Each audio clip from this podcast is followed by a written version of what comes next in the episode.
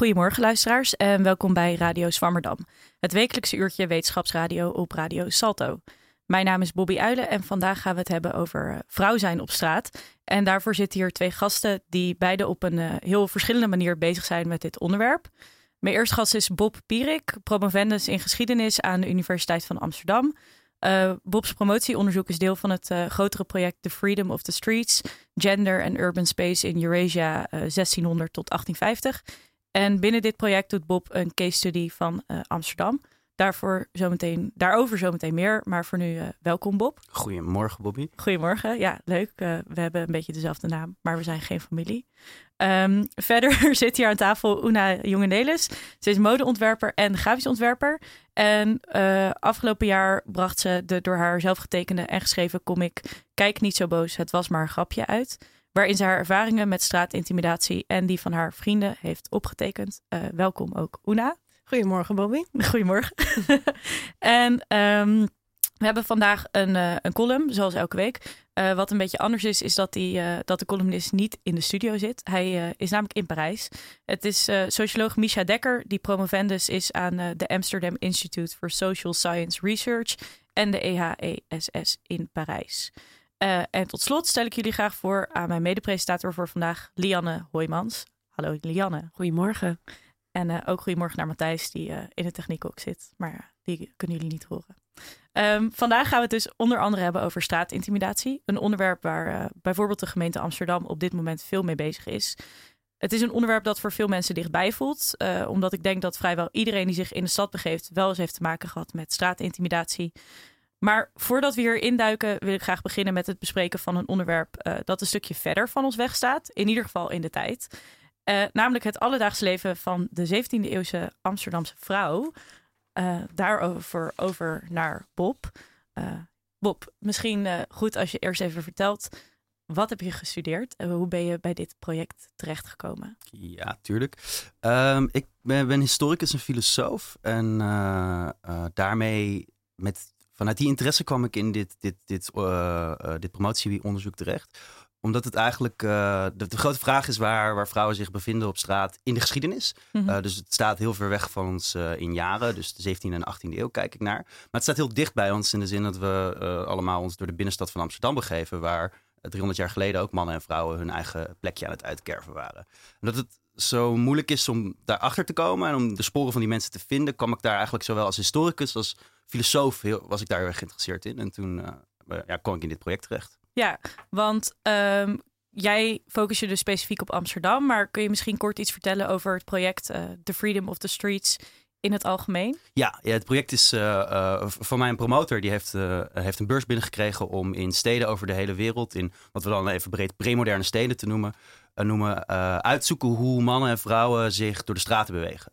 We weten heel veel over hoe die steden eruit zagen. We weten heel veel over de elites in die steden, maar over hoe normale mensen zich ja, die stad toe-eigenden een item dat we nu, nog steeds, nu eigenlijk in Amsterdam nog steeds uh, druk mee bezig zijn. Uh, daar weten we eigenlijk relatief weinig van. Ja, dus de kern van het project ligt eigenlijk erin om het, om het alledaagse leven te vinden of in beeld te brengen. Ja, exact. En is dat, uh, is dat moeilijk? Ja, dat is best, best wel moeilijk. Ik wou dat er een, uh, een Una was geweest die de ervaringen van de straat had opgeschreven in de 18e eeuw.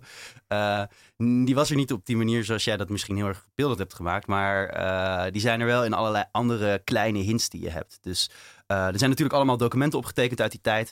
En als je daar tussen de linies doorleest, vind je wel dingen die mensen doen.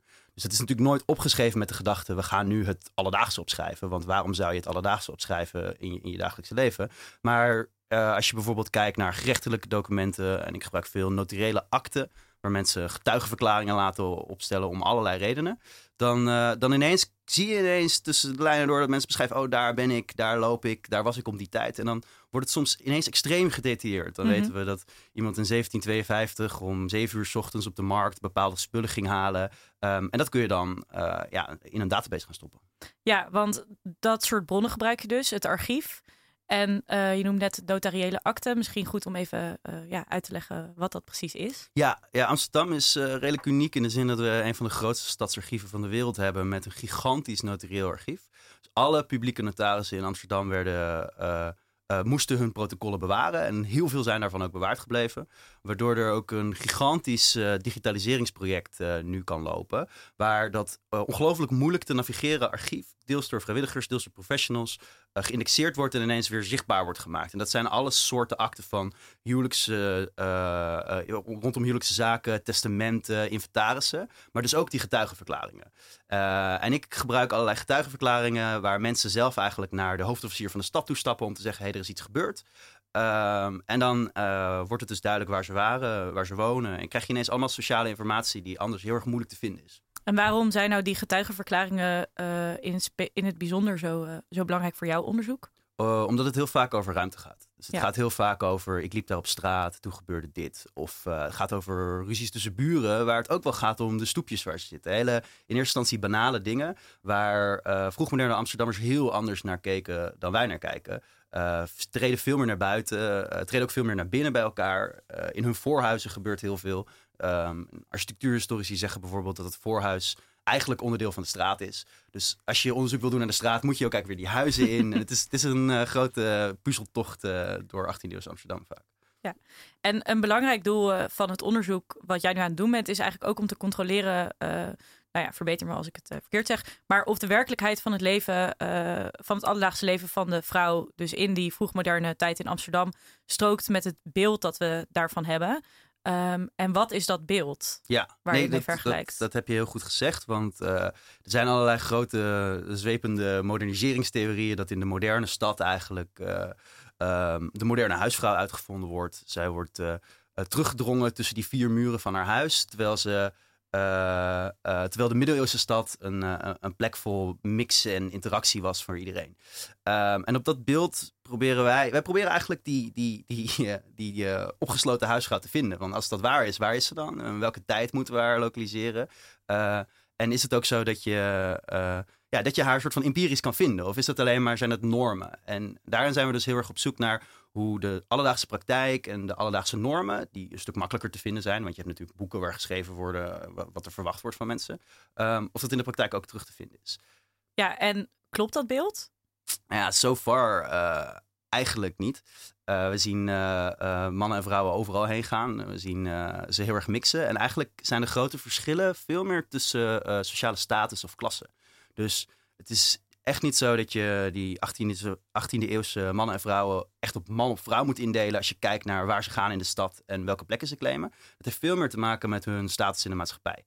Uh, zie je in de, het, beeld dat je in de 18e eeuwse Jordaan hebt, vol kleine steegjes, waar toch vooral veel vrouwenogen op straat bepalen wie waar mag komen of, of, wat een soort van morele orde is. En dat ziet er heel anders uit dan een paar honderd meter verderop in de, de, de rijke grachtengordel. Ja, want vrouwen hadden dus het beeld dat wij hebben dat hun identiteit primair die van huisvrouw uh, was.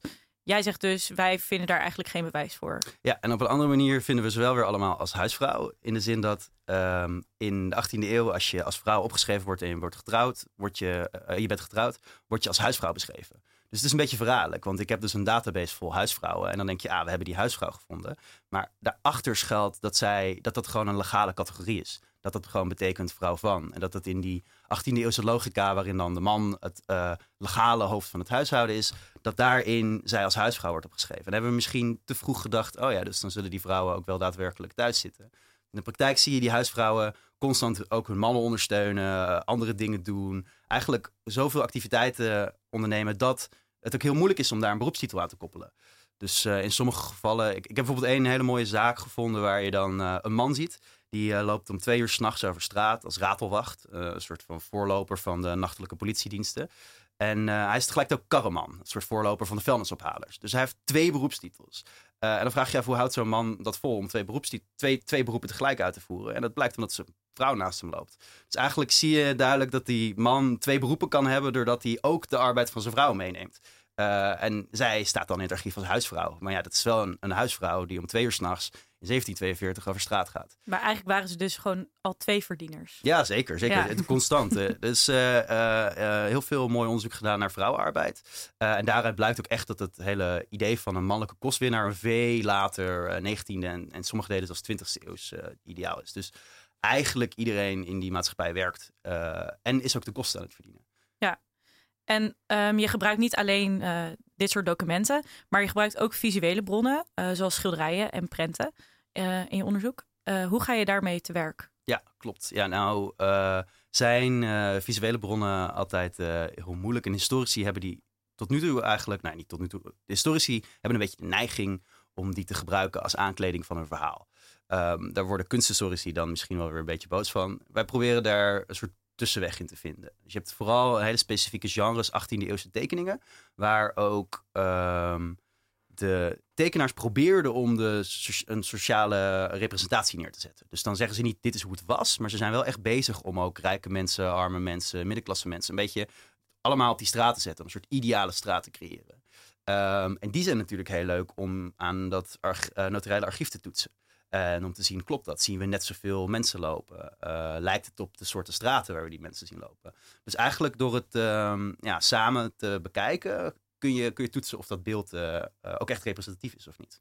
Ja, want ik kan me wel voorstellen van die dingen zoals je, uh, wat je net beschreef met die ratelwacht en dat die vrouwen dan meelopen. Ik kan me voorstellen dat daar niet nou heel specifiek schilderijen van zijn. Nee. Dus hoe vergelijk je dan ja, wat, wat op het schilderij te zien is met wat je in het archief vindt aan informatie? Ja, ja, dat lukt dus voor de, dat soort meer uniekere zaken lukt dat niet zo goed natuurlijk. Maar ehm, in mijn geval doe ik dat eigenlijk door de grote nummers. Dus echt door die database te maken. En dan kun je heel veel schilderijen naast heel veel uh, notariële documenten zetten. En als je, ja, dus in sommige vrouwen of mannen zien we eigenlijk, hebben we eigenlijk heel weinig van. Maar doordat we dan wel honderd observaties hebben van vrouwen in een vergelijkbare positie, wordt er toch ineens een patroon zichtbaar. Ja. Dus in, in dat soort moeilijkere sporen gaat het ook echt om grote nummers maken.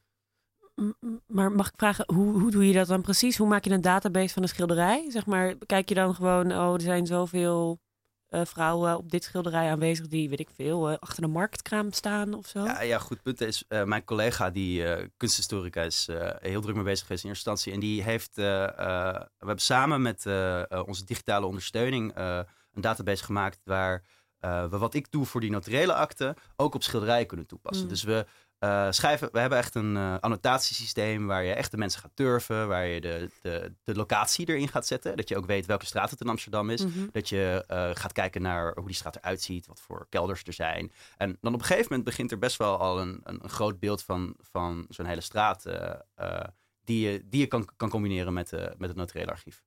Oh ja, ja. Dus je gebruikt eigenlijk dezelfde labels. Ja, precies. Ja. Ja. het gaat om dat je, dat gaat om vergelijkbaarheid. Ja. Er komt niet altijd dezelfde informatie uit, maar wel als het uh, vergelijkbare labels en categorieën kan gebruiken, wordt het interessant natuurlijk. Maar, maar, kun je een soort voorbeeld noemen? Zeg maar, wat is een label wat terugkomt in de notariële akte? Dus dat is meest. Ja, uh, een, een hele mooie waar uh, over vrouwen die ruimte claimen is het bleken en de was doen. Dus er zijn best wel veel visuele representaties van vrouwen die op bleekvelden staan. Uh, of juist die uh, stoepen gebruiken of, of zelfs schuiten om daar in de was te drogen. En in hetzelfde, of, of, te bleken. En in, in, in dat notariële archief zie je ook allerlei getuigenverklaringen waar mensen zeggen: Oh, ik was aan het bleken en toen gebeurde dit. Dus dan hebben wij een categorie bleken en dan kun je door heel de stad zien waar wordt er nou gebleekt. Wat zijn plekken waar veel vrouwen komen om dat soort activiteiten te ondernemen. Maar zo'n notariële akte, hè, dat is toch meestal als er iets fout is gegaan, dan komt de notaris erbij, toch? Ja. Dus is het Ja. dan representatief voor wat er gebeurde in de stad? Ja en nee. Ehm, ik, ik probeer het zelf altijd een beetje te beschrijven als eh, het alledaagse leven is een soort glazen muur.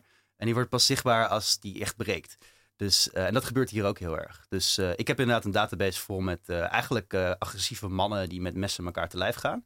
Maar als je die er dan uitfiltert, dan blijft er Ja. een, een betere, of nou ja, een meer representatieve stad over. Ja, dus je kijkt eigenlijk niet naar de, naar, naar de, naar de data die is vastgelegd in de akte, of waar de akte op, over gaat, maar meer om de randfenomenen daaromheen. Ja. Precies, ja, ik probeer de achtergrond mee te pakken.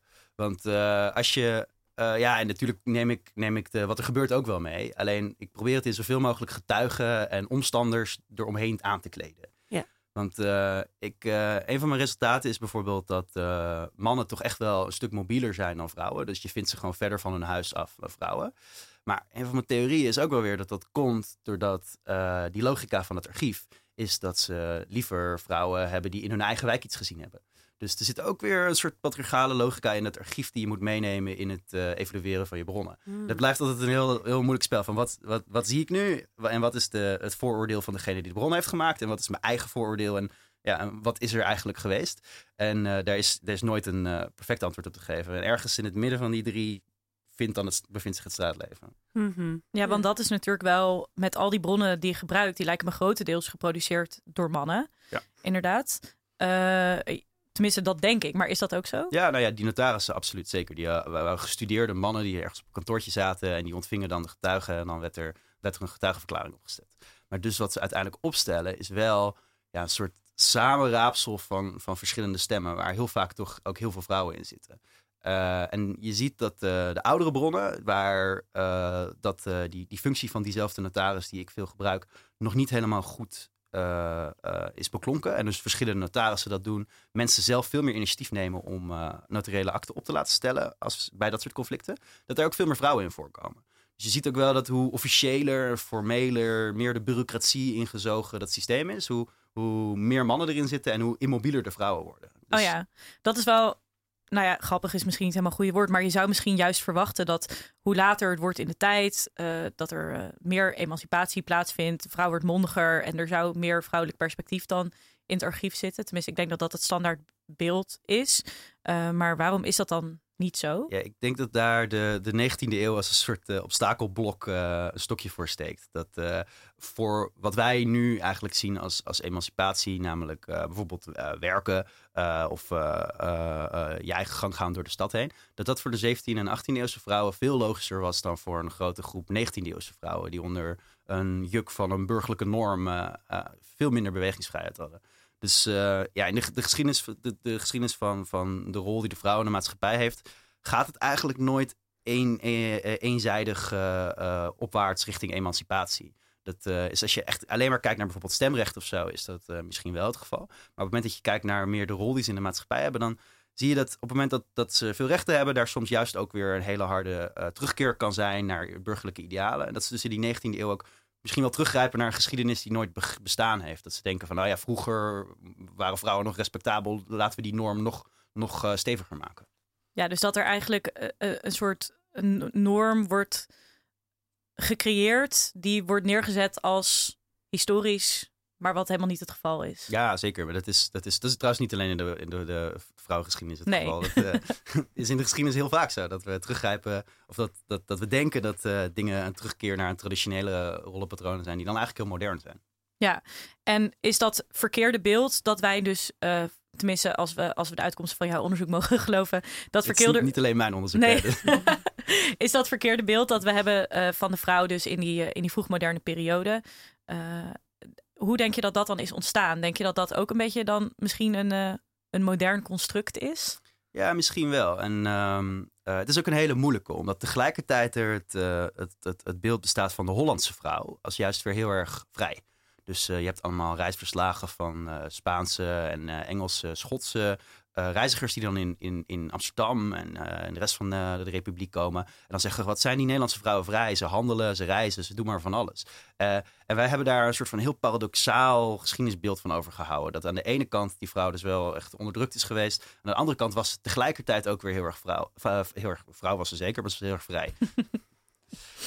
Dus ik, denk ik denk juist door de, doordat het zo complex is en dat we er niet echt duidelijk één label aan konden plakken, dat het daardoor ook makkelijk in een traditionele rolverdeling is geplaatst. Terwijl in de praktijk zie je dat het gewoon heel erg uitmaakt over welke vrouwen we het hebben. Hetzelfde ook met mannen trouwens. Het gaat er heel erg om welke posities ze in de maatschappij hebben. Eh, in 17e eeuws Amsterdam maakt het heel erg uit, eh, en in heel de Republiek trouwens, wat je religie is. Eh, daar zelfs al is etniciteit speelt al een grote rol. Dus het is te makkelijk om te zeggen mannen versus de vrouwen. Ja, dus misschien is het wel zo dat wij gender een veel grotere rol toedichten als we het hebben over, eh, over die periode dan dat die daadwerkelijk speelde. In sommige aspecten zeker, ja. ja. Ja. ja. En denk je dat dit project, het is, ja, het is natuurlijk een historisch project, maar eh, je had het net ook al over, eh, ja, je vergeleek het eigenlijk ook al met hoe we ons nu natuurlijk ook gewoon op de straat begeven als mannen en als vrouwen.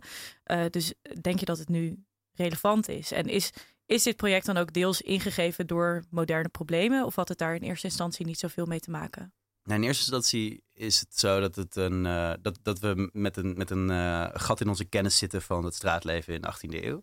Maar eigenlijk toch al gauw kwa- kwam ik er zelf in mijn onderzoek achter dat er ook constant aanknopingspunten zijn met uh, hoe, hoe, de discussie die we nu in Amsterdam hebben over van wie de stad is. Uh, en hoe we bijvoorbeeld in het centrum met elkaar omgaan in, in, in alledaags straatleven. Um, en toen zag ik al gauw dat er een van de grotere verschillen in die 18e eeuwse straatcultuur is. Dat het toch veel logischer is dat mensen elkaar zien, elkaar aankijken. Dat er een soort van nou ja, in dit geval het centrum dat er gewoond wordt, dat daar mensen ingrijpen als er, als er dingen fout gaan. En dat zijn over het algemeen relatief vaak vrouwen. Helemaal als het gaat om meer morele issues, zie je echt groepen vrouwen het heft in eigen handen nemen en de straat regeren. Wat ook niet altijd weer de geweldigste uitkomsten biedt. Maar het, het, is vooral een hele andere logica. En dan zie je ook dat dus de sociale interacties in het straatleven, die we misschien nu al best wel als verankerd zien, of die we, die we zien als iets waar we niet per se iets aan kunnen doen, gewoon um, twee, driehonderd jaar geleden zoveel anders waren. Doordat ook gewoon uh, ja, onze instituties en cultuur er zo anders uitzag. Maar, maar kun je een voorbeeld daarvan noemen? Wat, wat, hoe hebben vrouwen het heft in eigen hand genomen om de moraliteit te waarborgen? Oké, ja, bijvoorbeeld op de Laagte Kadijk, en dat is uit mijn hoofd ongeveer in 1750, laten we gewoon zeggen de 18e eeuw. Uh, een hele mooie zaak van uh, een vrouw die verhuurt kamers. En uh, op een dag stapt er een naakte man de straat op uit haar kamer. Mm. Uh, dan heeft de hele buurt ziet dat gebeuren en uh, concludeert dat zij bordeelhouder is. dan wordt die naakte man weggewerkt en dan wordt zij vervolgens een gigantische sleep vrouwen, beschrijft het archief, komt dan voor haar deur en komt dan verhaal halen. En die, die, die, die, het gaat er dus meer om dat die constant hun oog op straat hebben om te zien wat er gebeurt, waar het gebeurt. En die willen ook dat de buurt respectabel blijft. En dat zorgt natuurlijk waarschijnlijk ook voor allerlei problematische uitsluitingen. Want misschien uh, was zij helemaal geen bordeelhouder, maar was er gewoon ook een ander soort ruzie of zo. Maar het, laat wel zien dat uh, de anonimiteit, die misschien nu in grote delen van moderne steden gegarandeerd is, en die we ook als een groot goed zien, juist uh, niet groot was in 17, 18 jaar Amsterdam. Want je moet je bedenken, er staan ook muren om de stad heen. Het is letterlijk een gated community. Dus ja. Uh, dat ja, levert gewoon een compleet andere interactie op. Ja, en wat ik me ook nog afvroeg, heb je dan in die getuigenverklaringen bijvoorbeeld, heb je ook voorbeelden gevonden van vrouwen die echt worden lastiggevallen omdat ze vrouw zijn? En werd daar dan in die periode ook al aangifte van gedaan? Ja, die heb ik niet in deze bronnen gevonden, waardoor je, je, je kan natuurlijk dan, dan moeilijk uitsluiten dat het niet gebeurd is. Het, uh, helemaal lastig gevallen worden op straat is een soort ultieme dark number natuurlijk. Het, is, het, het, er wordt, het wordt weinig opgeschreven, het wordt daardoor weinig, uh, uh, het eindigt weinig in het archief. maar er is wel heel veel seksuele intimidatie en seksueel geweld.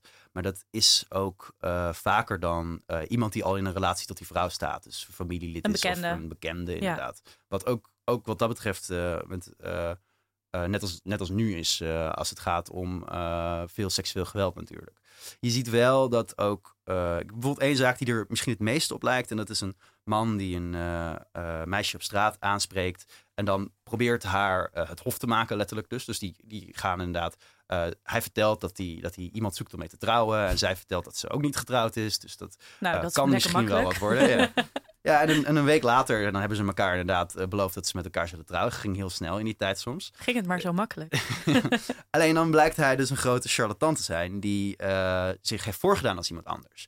Uh, oh, en ondertussen ook al zijn, er hebben ze seksuele handelingen plaatsgevonden. Dus dat wordt dan ook daardoor problematisch.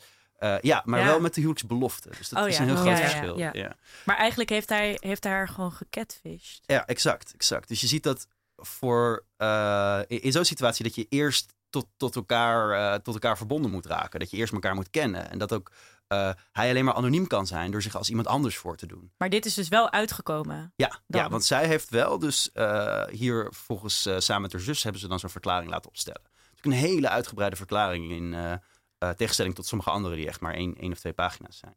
Dus de anonimie, ja, dus eigenlijk de anonimiteit kon je dan ook al wonen er toen. Nou ja, hoeveel mensen woonden er toen in Amsterdam? Nou, 200.000. Nou ja, dan dan nog lukt het je dus niet om langer dan een week anoniem te blijven. Precies, ja, een week lukte hem dat. Ja. Ja. Ja, ja. ja. Nou, ja, zou je dan misschien ook vanuit historisch oogpunt kunnen zeggen dat dan door dat ontbreken van anonimiteit, dat misschien een soort straatintimidatie waar vrouwen nu last van hebben, dus echt bijvoorbeeld dat er gewoon iemand langs rijdt op een scooter die je in je kont knijpt, dat dat in die stad van toen wel helemaal niet mogelijk was geweest. Ja, natuurlijk waren er geen scooters, maar... Ja, ja, dat, dat durf ik dus niet te zeggen, omdat ik niet omdat ik niet weet hoeveel vrouwen er gezwegen hebben in die tijd natuurlijk. Nee. Maar ik weet zeker wel dat het een stuk moeilijker is geweest, ja. ja. Mag ik hier iets over vragen? ja. Zou het ook zo kunnen zijn dat, net als nu, veel mannen het misschien niet zo serieus namen? En dat daarom er dus ook heel weinig verklaringen van zijn overgebleven? Ehm, op een manier weer niet, omdat de, het schenden van de eer van de vrouw ook wel heel serieus genomen werd. Dus op het moment dat eh, eh, je dochter, maar ook je buurvrouw eh, lastiggevallen wordt door een man, ehm, is dat, dat reflecteert op de hele buurt. Dus als dat gebeurt in jouw buurt, dan ga je ook ingrijpen. En daar, het is, aan de ene kant is het dus niet goed dat de vrouweneer een soort van eh, gemeenschapsgoed wordt. Dat, is, dat, dat betekent dat ze echt niet iets over hun eigen lichaam te zeggen hebben. Op een andere manier zorgt het er wel voor dat er minder seksueel geweld is. Dus het is heel, heel dubbel eigenlijk. Ja, dus ze stonden niet alleen daarin. Nee, dat niet. Nee. En dat is inderdaad een groot verschil. En de logica daarachter, namelijk een patriarchale logica van, van onze vrouwen blijf je af, die is misschien niet goed. Maar het feit dat ze niet alleen staan is inderdaad een, een, een, een goede uitkomst. Ehm, dan wil ik nu, voordat we verder praten, eh, we zijn nu ongeveer halverwege de uitzending namelijk, wil ik graag even overgaan naar, eh, naar de column van deze week. Eh, ja, die is dus geïmporteerd uit Parijs. ons toegestuurd door socioloog Misha Dekker. En hij verblijft op dit moment in Parijs voor onderwijs en onderzoek. En Misha doet sinds 2014 doet hij onderzoek naar straatintimidatie als publiek probleem in Amsterdam en in Parijs. Hij heeft voor ons een column opgenomen waarin hij enkele bevindingen van zijn onderzoek deelt. En waarin hij een vergelijking trekt tussen hoe in de twee hoofdsteden ehm, anders met straatintimidatie wordt omgegaan. Eh, nou, laten we even luisteren naar Misha. Yo, mag ik je snap? Steven staat zenuwachtig voor de klas en de andere jongens lachen hem uit. Hij heeft van Amir de opdracht de perfecte versierder gekregen. Je staat op straat met een groep vrienden te chillen. Er komt een prachtig meisje aangelopen. Je vindt haar echt spang. Speel je ervoor zorgt dat je haar nummer krijgt. Steven volhardt in zijn directe aanpak. Hé hey, meisje, mag ik je snap? Amir neemt de rol van, eh, van het meisje op zich. Mijn Snapchat? Nee. Steven die lijkt erin te berusten. Nou ja, dan, dan niet. Eh, Amir neemt de rol van, van de leraar weer op zich. Je bent klaar, that's it. En dan ga je weer terug naar je vrienden. En dan gaan ze vragen, heb je de snap gehad? Steven met, eh, met een hangend hoofd zegt nee. En dan ben je klaar, zegt Amir. Dan gaan ze je uitlachen. De hele klas lacht. Maar Amir geeft Steven nog een, eh, nog een laatste kans. Hoe spreek je daar aan? Hoe vraag je om de snap? Steven die probeert het nog een laatste keer. Eh, dag meisje, mag ik je snap? Amir zucht, zo gaat het niet werken. Ze kent je helemaal niet en jij vraagt uit het niks om de snap. Sinds MeToo wordt er veel gesproken over het belang van een contuuromslag. Maar er zijn verschillende ideeën over hoe deze precies vormgegeven zou moeten worden. Afgelopen jaar hebben Amsterdam en Rotterdam straatintimidatie strafbaar gesteld. In de media vaak aangeduid als het CIS-verbod. Hoewel de rechter nu recent besloten heeft dat eh, dit verbod niet grondwettelijk is. Velen menen echter dat in plaats van strafbaar stellen, educatie een beter middel is om deze cultuuromslag eh, te bewerkstelligen. Maar als we het over educatie hebben, dan is er eigenlijk nog maar heel weinig mee gezegd. Wat voor vorm zou de voorlichtingen over seksuele intimidatie precies moeten aannemen? De gemeente Amsterdam bijvoorbeeld kwam enkele weken terug met de campagne Je staat niet alleen. Deze campagne is echter min of meer uitsluitend gericht op slachtoffers. Dit is belangrijk natuurlijk, uh, maar met dit soort beleid wordt er eigenlijk achteraf pas ingegrepen. De sleutel tot het aanpakken van dit uh, probleem ligt echter bij mannen en jongens. Die moeten zich anders gaan gedragen, leren waar de grens ligt en zich bewust worden van de impact van hun gedrag. Beleid moet dus niet alleen uh, op slachtofferhulp focussen, maar moeten meer preventieve en educatieve programma's gericht op mannen ontwikkeld worden. Als alternatief voor de repressieve daderaanpak waar rechtse partijen als de VVD en Leefbaar Rotterdam vaak mee komen. Over enkele maanden rond ik mijn promotieonderzoek af over hoe straatintimidatie een politiek probleem geworden is in Nederland en in Frankrijk. Uh, wat ik doe aan de Universiteit van Amsterdam en aan de EUCSS, de École des Hautes Études en Sciences Sociales, in Parijs. Als onderdeel van mijn onderzoek heb ik meer dan 50 lessen geobserveerd van verschillende organisaties die voorlichting geven over straatintimidatie op middelbare scholen. En ook veel interviews gedaan met leerlingen en voorlichters. In Amsterdam heeft de organisatie Cupido daar een bijzonder en wellicht onverwachte aanpak in ontwikkeld. De eerder beschreven oefening is een vast onderdeel van de voorlichting over seksueel grensoverschrijdend gedrag die ze geven in scholen in Amsterdam. De jongens in deze klasse beginnen de oefening bijna altijd met zinnen als Yo, ik ben Steven, mag ik je 06? En zelfs als de voorlichter Steven probeert uit te leggen dat het misschien niet de meest handige manier is om een meisje aan te spreken, komt hij nog twee keer met dezelfde openingszin. Amir probeert de jongens vanuit het perspectief van het meisje in de metro te laten denken. Ze kent je niet en uit het niets komt er een jongen om je snap vragen. Dus waarschijnlijk zegt ze nee. En als je twintig keer op die manier wordt afgewezen, word je de 21ste keer waarschijnlijk boos uh, en ga je er iets lelijks naroepen uit frustratie. Dan word je vervelend en agressief in het benaderen van meisjes. Deze oefeningen zijn ruim drie jaar geleden toegevoegd aan een lesprogramma naar aanleiding van de publieke en politieke aandacht voor straatintimidatie. Volgens Cupido komt intimiderend gedrag voor een gedeelte voort uit het feit dat er eigenlijk nooit echt geleerd wordt hoe je iemand aanspreekt als je, als je iemand leuk vindt. Hoe je eigenlijk zou moeten flirten. En leert ofwel uh, uit de porno, uh, en daar is altijd resultaat, wat, wat tot verbazing en frustratie leidt als een meisje nee zegt. Of je leert het van oudere jongens, en die laten vaak dezelfde te directe stijl zien. Zo wordt deze directe en opdringerige benadering normaal. En denken jongens er niet goed over na dat veel meisjes dit als onprettig of intimiderend kunnen ervaren. Voor Cupido is seksuele intimidatie dus in ieder geval gedeeltelijk een probleem van onhandig flirten. Maar niet iedereen ziet straatintimidatie als een probleem van onhandig flirten. Leerlingen in Parijs krijgen ook voorlichting over seksuele intimidatie. Maar in de stad van de seducteur uh, gaat dit er heel anders aan toe dan in Nederland. Op een school in Thiers, een arme buitenwijk van Parijs, luisteren negen jongens en acht meisjes van een jaar of 15 naar een voorlichting van de feministische organisatie Stop Harcèlement de Stop Straatintimidatie. Mirjam, een van de voorlichters, uh, vraagt aan de jongens of zij wel eens een meisje op straat nagefloten hebben. Een grote van de jongens in de klas die steekt zijn hand op. Mirjam reageert, uh, nou het is goed dat we hier zijn vandaag om te praten over straatintimidatie. Een van de jongens in de klas schrikt gelijk op. Uh, maar als ik zeg dat ik iemand nafluit, dan bedoel ik dat eigenlijk niet intimiderend hoor. Mirjam die gaat er vrij hard tegenin. Het is voor meisjes gewoon heel vervelend om de hele tijd zo aangesproken te worden. Dat komt voort uit een behoefte van jongens om dominant te doen, om stoer te doen. Uh, we zijn het zat en we zijn hier om met jullie over te hebben dat dit gedrag moet ophouden. Ze wijst naar een plaatje van het feministische blog uh, Project Krokodil, waarin we zien hoe mannen afgebeeld als krokodil vrouwen op straat lastigvallen. We gebruiken dat beeld van een krokodil om duidelijk te maken dat dit geen onschuldig gedrag is. Het is geen flirten, maar mannelijke dominantie en een vorm van geweld eigenlijk gewoon. Achter deze voorlichtingen zitten twee heel verschillende ideeën over de oorsprong van straatintimidatie en daarmee ook twee heel verschillende visies op hoe deze cultuuromslag precies vormgegeven zou moeten worden. Waar Stopper Salamanderu straatintimidatie ziet als mannelijke dominantie en een vorm van geweld tegen vrouwen, legt Cupid meer nadruk op hoe dit gedrag voort kan komen uit onhandigheid in het flirten. En willen zij leerlingen helpen om betere vaardigheden te ontwikkelen, zodat ze op een prettiger manier met elkaar leren omgaan. Op eerste gezicht staat deze opvatting echter op gespannen voet uh, met decennia lang feministisch activisme tegen het idee dat seksueel geweld met name voortkomt uit oprechte, maar onhandig in de praktijk gebrachte seksuele gevoelens. Verkrachting gaat niet over seks, maar over macht, was de slogan die de Amerikaanse feministe Susan Brownmiller introduceerde. Is de vertaling van straatintimidatie naar een kwestie van onhandig flirten dan geen depolitisering van het eigenlijke probleem, de ongelijke machtsverhoudingen tussen mannen en vrouwen en hoe mannen die proberen in stand te houden? Aan de andere kant zie ik in mijn observaties dat de meer expliciet feministische benadering van deze Franse organisatie tot veel weerstand leidt bij leerlingen. Met name in scholen in minder welvarende buitenwijken worden de voorlichters er vaak van beschuldigd elitair te zijn. Nog een groep Parijse feministen die ons in de banlieue komen vertellen hoe we ons moeten gedragen. Deze harde aanpak leidt er vaak ook toe dat met name jongens met een migratieachtergrond zich voelen weggezet als potentiële verkrachters, als testosteronbommen. Ook zijn leerlingen het er vaak niet mee eens dat de gedragingen waar de voorlichters het over hebben bedoeld zijn om dominant te zijn. Ik wilde alleen maar een praatje met haar maken en dan reageert ze zo boos, vertelt een jongen in een interview.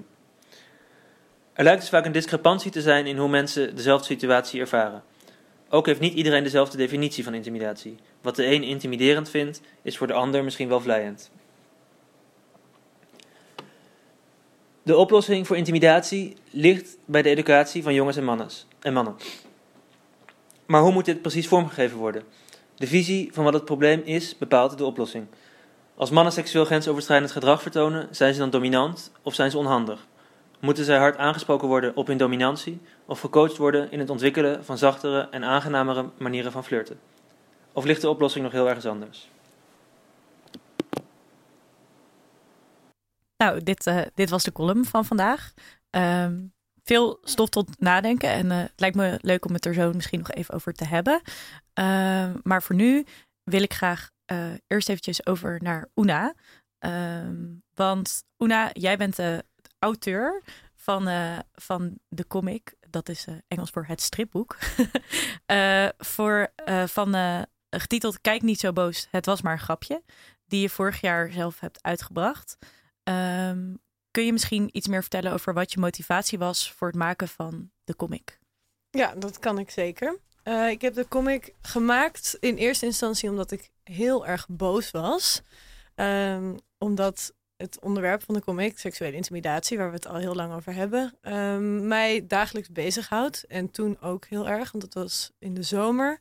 En ik had er dagelijks last van. Het moment dat ik met de comic begon, was toen ik s'nachts naar huis fietste van werk. En echt een kwartier nadat ik het er met iemand over had gehad, op mijn kont werd geslagen door een jongen op een scooter die mij inhaalde. En mij niet eens eh, had gezien. We hadden geen oogcontact gehad. Hij, ik had hem niet horen aankomen. Hij reed langs mij, sloeg met mijn kont, lachte heel hard en reed weer door. En zo kwam hij even één seconde in mijn leven en heeft hij mij heel erg overstuur gemaakt. En toen ben ik hard huilend naar huis gefietst en dacht ik, oké, morgen ga ik beginnen. Ik ga gewoon al mijn ervaringen en alle ervaringen van mijn vrienden ga ik eh, opschrijven. En dan ga ik tekeningen bij maken. Want ik ben het zat en ik ben het ook zat dat eh, wanneer ik het met een man of een jongen over probeer te hebben, ik vaak een uur bezig ben met uitleggen waarom het zo vervelend is. Terwijl ik, als ik het er met een vrouw over heb, hoef ik maar te zeggen van, ah, dit gebeurde net. En dan voel ik dat ik begrepen word. Ja, want toen je aan de comic begon en aan je vrienden vroeg van... hey, wie heeft er iets meegemaakt? Ik neem aan dat toen iedereen zijn hand gelijk omhoog ging. Ja, ja ik kreeg uh, ook tijdens het maken van de comic bijna dagelijks appjes van... hey, ik heb weer iets meegemaakt. Misschien kan het nog in de comic. En dat was op zich wel goed. Dat heb ik zelf ook, daar heb ik nog wel een beetje plezier uitgehaald. Want telkens als er iets gebeurde terwijl ik ermee bezig was, dacht ik... oké, okay, deze man krijgt een heel lelijke tekening in mijn boekje.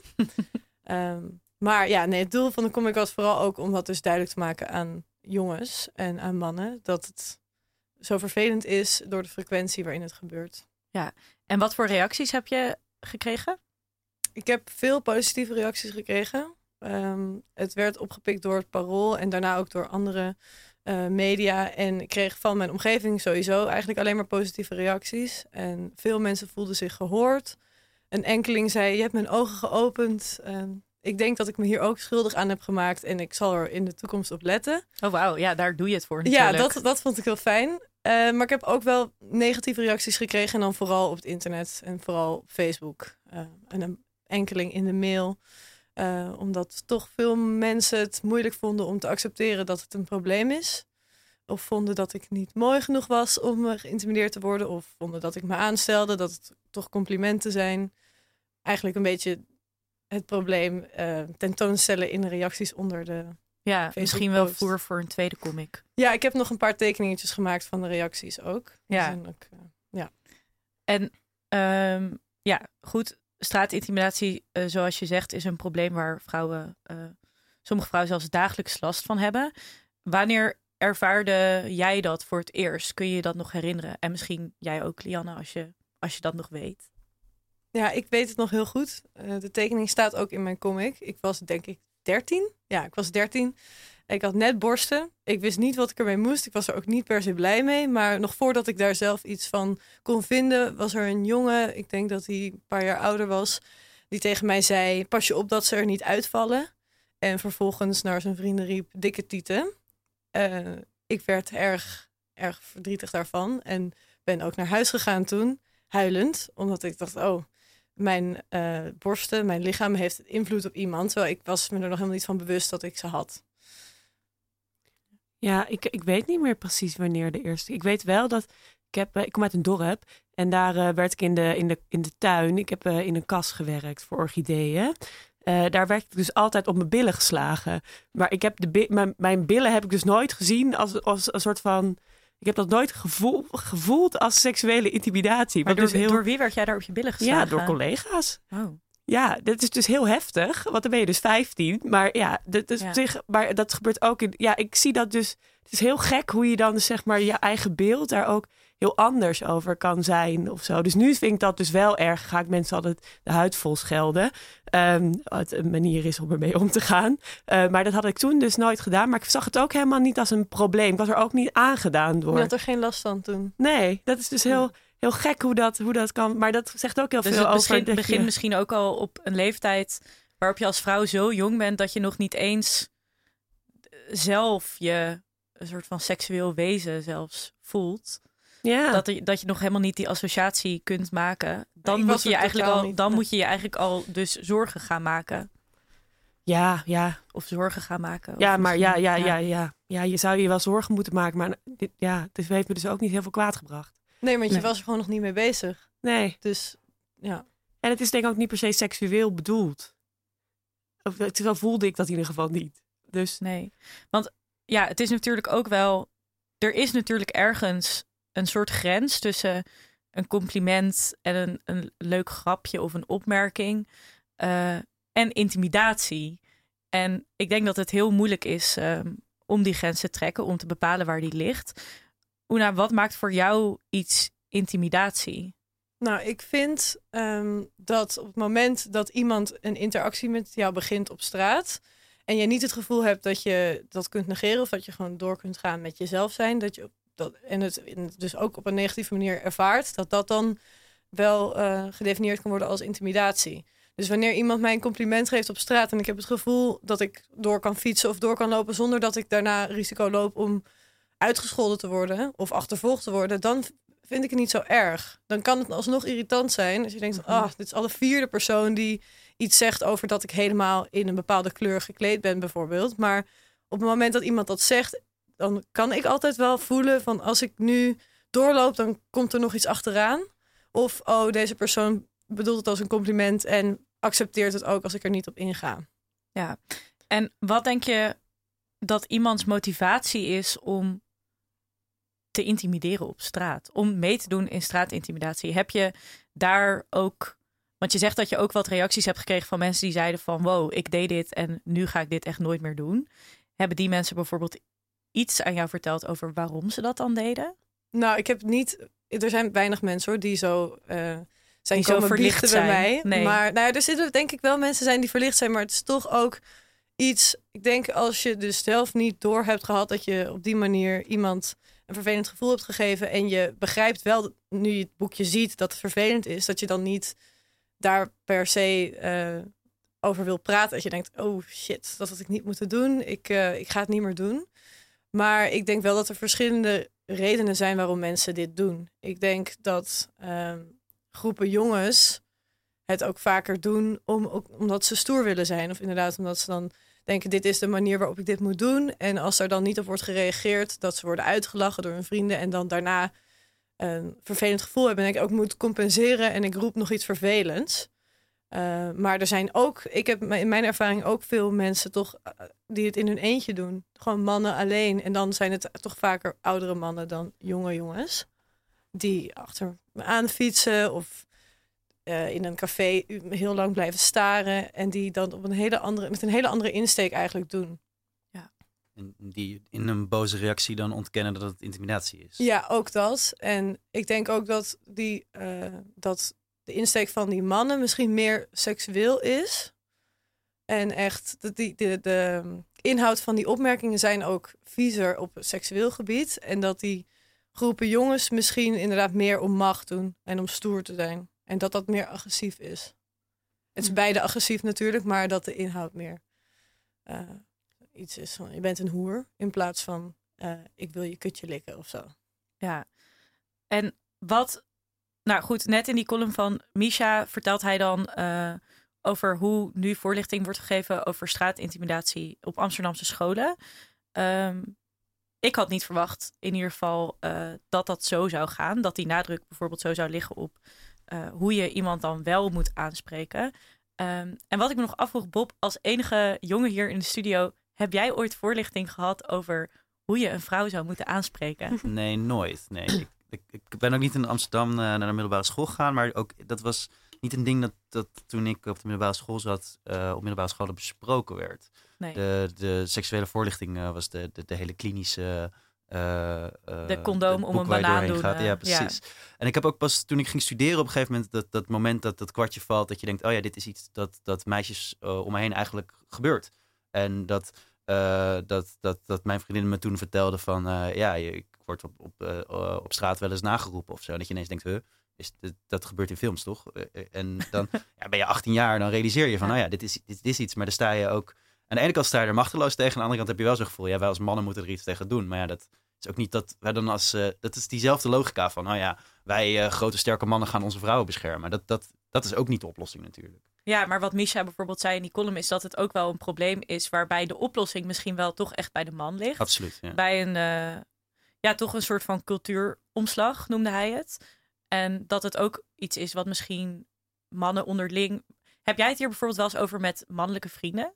Ja, maar dus, dus eigenlijk relatief laat. Dat je dan de puberteit uit bent en ineens eh, de, de, de verwarrende tijd van de puberteit gaat realiseren dat dat, ja, dat, dat iets is waar, eh, waar misschien wel machtsongelijkheden in zitten. Dat is dan ook dat mijn vriendengroep misschien eh, uit de historici en filosofen bestaat, dat we dat interessant vinden. Ja, dat is misschien toch ook wel dan echt toch de linkse bubbel. Dat is, eh, Ja, ik vind het niet een eens zo ja. laat hoor, Ja. trouwens. Want het is niet, ik vind het niet gek dat je tijdens de puberteit heel erg in de war bent en niet goed weet hoe je met andere mensen om moet gaan.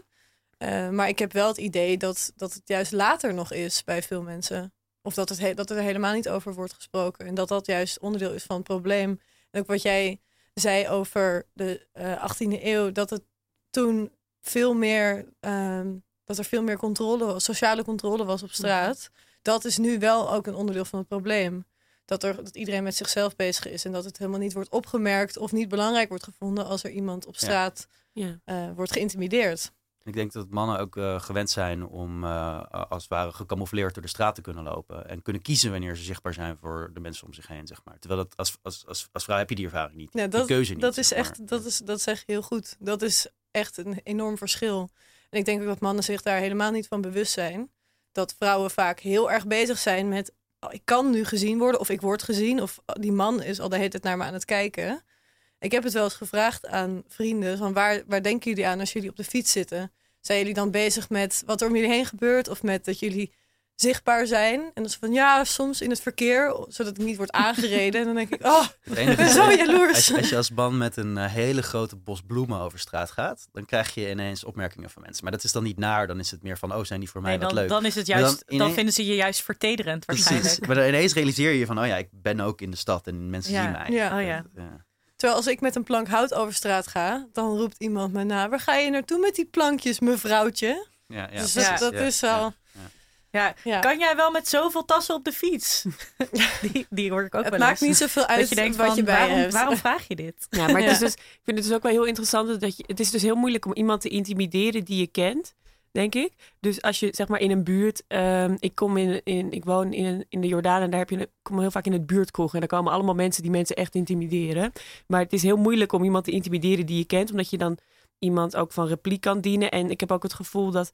ehm, eh, ja, dat. Dus intimidatie heeft ook een soort van die die afstand of zo, die maakt het ook heel eng. Dat je iemand niet kent en dat die je benadert alsof die je wel kent. Want als je gewoon, als jij over de straat fietst eh, met plankjes en iemand uit je buurt die je kent roept: hé, hey, waar ga je heen met die plankjes, mevrouwtje? Dan zou ik denken: ja, dit is gewoon gezellig of interesse. Ja. Of Maar zeg je nou net Ja. dat jij vaak in een kroeg komt waar veel mensen zijn die intimideren? Ja, nou ja, het zijn gewoon, ja, het zijn gewoon, ja, ja. Oké, en kun je daar een voorbeeld van geven?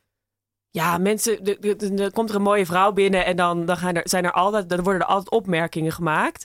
En dan wordt er ook wel een soort van sociale controle waarbij mensen dat dan gaan afkeuren heel hard. Ja, dus Maar en ben jij dan zo de, de vrouwenpatrol uit de 18e eeuw die dan zegt van, hé, dat mag je niet doen? De mora de nee, De want morele- je moet ook je battles pikken. Hè? Je moet Ja. een eh, bepaald. Maar dat is dus ja, maar dat is dus lullig, want dan ben je dus als vrouw alsnog alle arbeid aan het verrichten om dat te Ja. zorgen dat de daders een soort van eh, beeld krijgen. Maar dit moet je dus niet doen, dit kun je niet maken, dit is heel vervelend voor iemand. Ja, Bovendien wordt het misschien, of waarschijnlijk, minder serieus genomen als jij een man aanspreekt dan als een man een andere man aanspreekt. Of heb je wel het idee dat ze naar je luisteren? je Nou, daar ga ik over wel zegt? van uit. Ja, daar dat ga is je misschien vanuit. mijn eigen maar blinde vlek. Ik heb gemerkt dat dat toch moeilijk is. Dat het erg lastig kan zijn om iemand te overtuigen van hoe vervelend het kan zijn als je zoiets tegen iemand zegt. Ja. Bob, heb jij wel eens een andere man aangesproken op eh, seksueel intimiderend gedrag?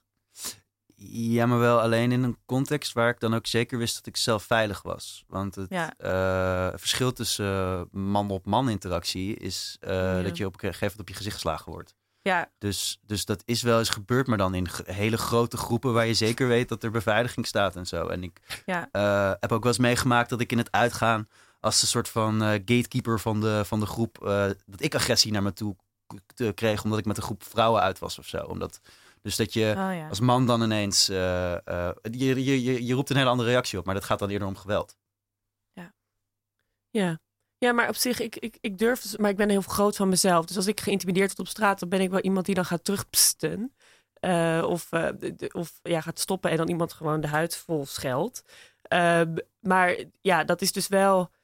Eh, ja, ik weet ook dat je als. De soort die other side of sexism is dat je gewoon niet in elkaar wordt geslagen. Omdat mensen je niet serieus nemen als. Dat is niet helemaal waar hoor. Nee, niet altijd. Maar ik heb dus nog niet de ervaring gehad dat dat dus Ja. gebeurt. Goddank, even afkloppen. Maar ik snap dus heel goed dat je je ook heel onveilig kan voelen. En soms denk ik ook wel, ja, ik weet eigenlijk niet of dit nou de meest verstandige set was op dit moment. Maar dan is het toch goed afgelopen. Want ja, als natuurlijk vier van die jongetjes ja, je belagen, ja, dan ben je in principe ook ver van huis. Maar Ja, ik ben gestopt daarmee. Of ik heb het wel eens geprobeerd. Maar ik ben echt gestopt omdat ik een paar hele vervelende dingen heb meegemaakt. Ja. Die echt, echt eng waren en agressief. En waar ik me heel onveilig heb gevoeld. Ja. En dat gevoel en dat risico, dat wil ik gewoon niet meer. Ik wil dat risico niet meer lopen. Omdat Nee. ik wel in mijn gezicht ben gespuugd. En wel ben achtervolgd naar huis.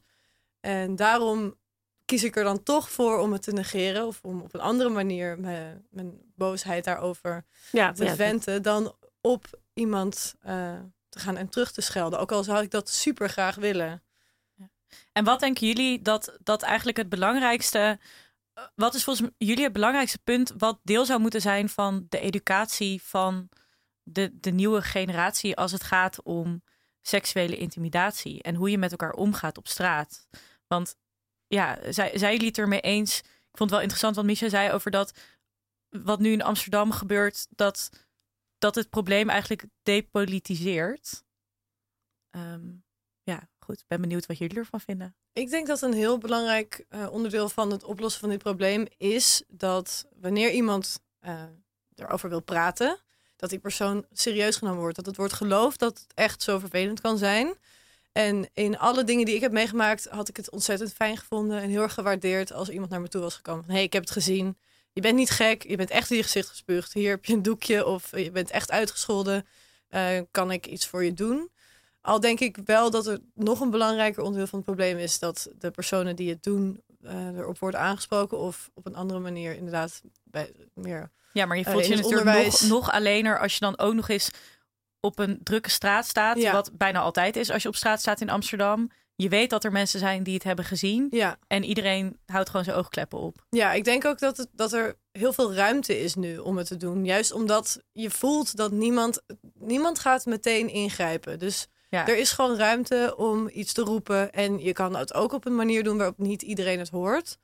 En ik denk echt als er meer, eh, misschien dat ouderwetse eh, beeld weer terugkomt en er meer sociale controle is, dat er dan ook veel meer ruimte gevoeld wordt door mensen om zo te doen. Ja. En daarbij komt dus ook dat het echt heel fijn kan zijn als iemand er meteen voor je is nadat er zoiets gebeurt. Ja, eigenlijk een soort gevoel van sociale verantwoordelijkheid dat weer Ja. terug zou moeten komen. Ja, En ik denk ook dat, dat eh, op een manier. ehm, denk dat Misha wel, wel op een manier gelijk heeft dat de Amsterdamse aanpak het depolitiseert en misschien enigszins tandeloos is om te zeggen: ja, het is gewoon kneuzig flirten dat fout gaat. Maar wat wel goed aan die aanpak is, maar misschien ook de Franse aanpak, is dat het niet de verantwoordelijkheid bij de meisjes neerlegt. Legt, Ja. Niet de schuld bij de meisjes neerlegt. Want op het moment dat je zegt, stel je zegt zelfs het is kneuzig flirten, dan in ieder geval is het niet de verantwoordelijkheid van het meisje om leuk te reageren. Is het Mhm. niet zo dat zij een hoer is als zij niet op je, op, op je reacties ingaat? En ik denk dat alleen al daarover praten met jonge jongens die nog aan het nadenken zijn hoe, hoe, hoe ze hun seksualiteit aan het inrichten zijn, dat dat al wel, wel winst kan, kan maken. Dat je, ja, nie- niemand, eh, het is niet zo dat, dat, dat ze jou voor iets verplicht zijn. Dat ze jou verplicht, een reactie verplicht zijn of zo. Nee, en het is natuurlijk ook inderdaad eh, gericht op de potentiële dader, om het maar even heel cru te zeggen. In plaats van wat volgens mij, tenminste wat ik dan heb geleerd bij gym, hadden we dan zelf verdedigingsles voor als er een enge man kwam. Weet je wel? Dus dan waren wij echt verantwoordelijk. Wij moesten weten hoe we hem in zijn ogen moesten, moesten prikken als hij, uh, als hij probeerde zijn hand in onze broek te doen. Uh, dus ja, nee, daarin zijn denk ik inderdaad dan al wel stappen gemaakt. Ja, dat vind ik ook een heel vervelende reactie als ik zeg dat er iets is gebeurd. Dat iemand dan zegt, ja, maar je moet echt op zelfverdedigingsles. Ja. Hoezo moet ik me gaan aanpassen aan iemand anders die zich niet kan inhouden? Ja. Dat is het. Uh... Oké. Nou, ik, hoorde, ik hoorde de eindtune. Dus dat betekent dat het uh, helaas alweer tijd is om af te sluiten. Ook al is dit een onderwerp waar ik nog wel lang met jullie over zou kunnen doorpraten. Um, vandaag hebben we het bij Radio Swammerdam gehad over vrouw zijn op straat, vroeger en nu. Het ging over uh, ratelwachten en over stripboeken. Uh, en over onhandig om een snap vragen. Daarover waren te gast Bob Pierik en Una Jongenelis. Bedankt voor jullie komst en het trotseren van de regen. Uh, Misha Dekker sprak vanuit Parijs een column voor ons in, dus daarvoor ook dank. En in het bedankrondje mogen natuurlijk ook mijn medepresentator Lianne Hoijmans en Matthijs Kuilen, die vandaag in ons techniekhoek zat, niet ontbreken. Deze uitzending komt later vandaag online en is dan te vinden op onze website www.radioswammerdam.nl en is als podcast te luisteren op onder andere SoundCloud, iTunes, Spotify en al die andere podcastplatforms. Je kunt ons volgen op Facebook en Twitter en ons bereiken door te mailen naar redactie.radioswammerdam.nl. Voor nu wens ik iedereen een hele fijne zondag en hopelijk regen jullie niet al te nat.